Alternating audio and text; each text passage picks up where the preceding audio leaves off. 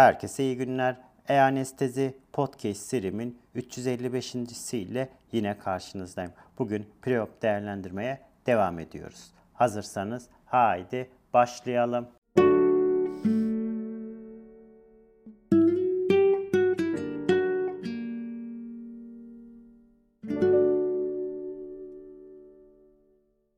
Herkese iyi günler. E-Anestezi Podcast serimin 355.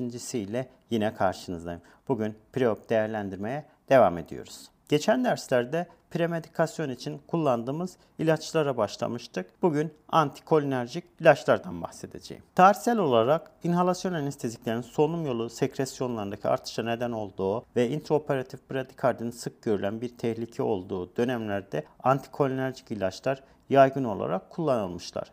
Daha yeni inhalasyon ajanlarının ortaya çıkması, preoperatif medikasyonun antikolinerjik ilaçların rutin kullanımını önemli ölçüde azaltmıştır. Cerrahi öncesi antikolinerjiklerin spesifik indikasyonlarına baktığımız zaman antisiyotik etkilerinin sedasyon ve amnezi oluşturmaları ve vagolitik etkileri oluşmuştur ve geçmişte antikolinerjik gastrik asit sekresyonu azaltmak amacıyla kullanılmış ama araştırmalar bu amaç için etkili olmadığı gösterilmiştir. Antikolinerjik ilaçların etkilerini karşılaştırdığımız zaman atropinin kalp hızı artışını yüksek düzeyde artırıyor. Glikopirolatı orta düzeyde artırıyor. Skopolamini ise düşük dozda etki etmektedir. Antisiyolitik etki atropinde düşük etkilidir. Glikopirolatta orta düzeyde etkilidir. Skopolaminde ise düşük düzeyde etkilidir. Sedasyon dozuna baktığımız zaman ise atropinde düşük etkili, glikopirolatta yoktur.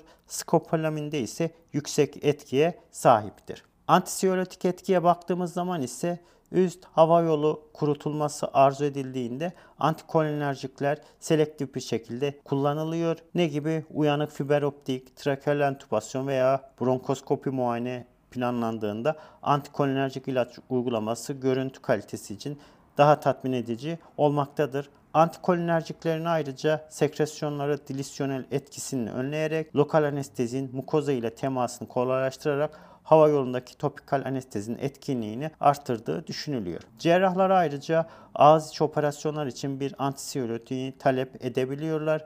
Glikopirolat en güçlü antisiyolitik olup kalp atım hızını arttırma olasılığı atropinden daha azdır. Glikopirolat bir kuaternen amin olduğu için kan beyin bariyerini kolayca geçemiyor ve bir tersiyer amin olan skopolamin ile görülen sedasyon veya amnezi oluşturmuyor. Sedasyon ve amneziye baktığımız zaman ise her ne kadar midazolam preoperatif sedatif seçiminde geniş bir yer kaplasa da tarihsel olarak skopolamin bir opioid ile kombine edilerek sıklıkla intramüsküler kullanılmış. Skopolamin tüm hastalarda amnezi sağlamıyor ve ayılmayı önlemek için lorazepam veya diazepam kadar etkili olmayabiliyor. Skopolamin benzodiazepinler ile birlikte kullanıldığında aditif amnestik etkiye sahip oluyor. Diazepam ve skopolamin kombinasyonun tek başına diazepamdan daha güçlü amnezi oluşturduğu bildirilmiş. Aditif amnestik etki ile genel anesteziyi tolere etmeyen anstabil hastalar için faydalı olabilmektedir.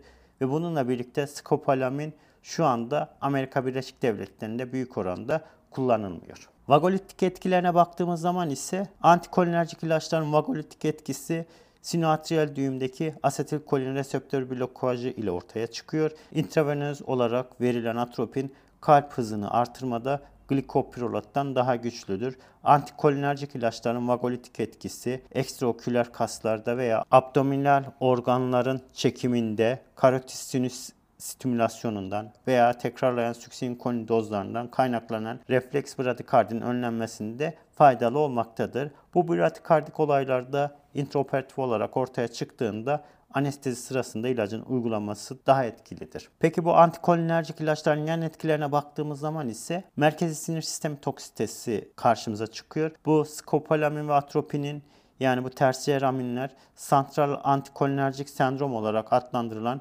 merkezi sinir sistemi toksitesine neden oluyorlar. Bu sendrom çok büyük olasılıkla skopolamin uygulamasından sonra ortaya çıkıyor. Ancak yüksek dozda atropinden sonra da görülebiliyor. Ve bu delirium, huzursuzluk, konvizyon, koma gibi semptomları içerebiliyor. Yaşlı hastalar ve ağrılı hastalarda özellikle duyarlı gözükmektedir. Sendromun inhalasyon anestezikleri ile potansiyelize olduğu bildirilmiştir. İntravenöz olarak 1 ila 2 mg fizostigmin verilmesi sendromu başarılı bir şekilde tedavi edebilmektedir. Diğer bir yan etki ise göz içi basınç, antikolinerjik ilaçlardan kaynaklanan midriazis ve skopulaji glikomlu hastalar göz içi basıncı artırabiliyor.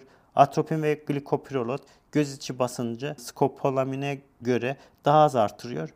Glikomlu hastalarda çoğu glikom ilacının cerrahiye kadar devam edilmesi veya gerektiğinde atropin veya glikopirolot kullanılması genellikle güvenlidir. Hiperterme diğer bir yan etki. Vücudun ter bezleri sempatik sinir sistemi tarafından inerve ediliyor ancak kolinerjik iletimi kullanmaktadırlar. Bu nedenle antikolinerjik ajanların uygulanması özellikle operasyon odasında aktif ısıtma cihazları kullanıldığında vücut sıcaklığının artmasına neden olabiliyor ve bu nedenle terleme mekanizmasına etki etmektedir. Hasta genellikle sıcak ve kuru gözükmektedir. Çocuklarda sıcaklık artışı taşikardiyi daha da artırabilmektedir. Premedikasyonda ayrıca kullanılan antibiyotiklere bakalım. Yani antibiyotik profilaksisi.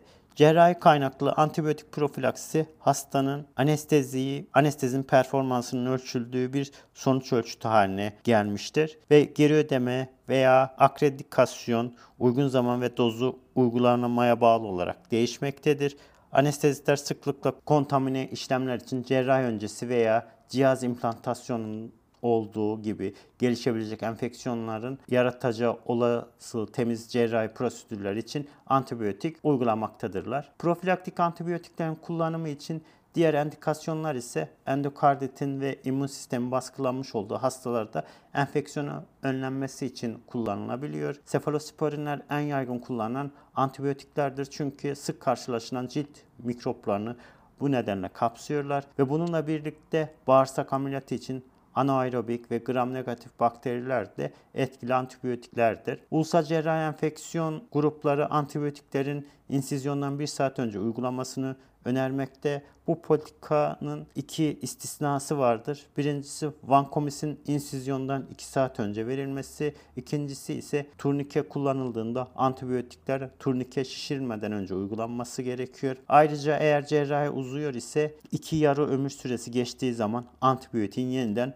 uygulanması önerilmektedir. Ne gibi? Sefalosporinin yarı ömrü 2 saattir. Bu nedenle cerrahi girişim 4 saati geçiyorsa yeniden yapılması gerekiyor. Morbid obez hastalar üzerinde yapılan araştırmalarda ise yeterli doku seviyelerini elde etmek için gereken dozun normal kilolu hastalar için gereken dozun iki katından daha fazla olduğu gösterilmiştir. Penisilin, sefalosporinler ve ilgili bileşikler yani beta-laktam alerjisi olan hastalarda vankomisin veya klindamisin kullanılabilmektedir. Evet, premedikasyonda kullandığımız ilaçları bu şekilde özetledikten sonra aslında hasta hazırlığına baktığımız zaman anesteziye veya cerrahiye tıbbi ve psikolojik olarak yeterli şekilde hazırlamak için zaman zaman anestezi uzmanı hastanın intraoperatif döneminin takibini daha kolaylaştırmak hem olumlu hem de klinik sonucu memnuniyeti artırmak için dediğim gibi bu preoperatif hazırlıklar ve premedikasyonda kullanılan ilaçları sıkça kullanmaktayız. Evet bugün anlatacaklarım bu kadar. Beni dinlediğiniz için teşekkür ediyorum. İyi günler.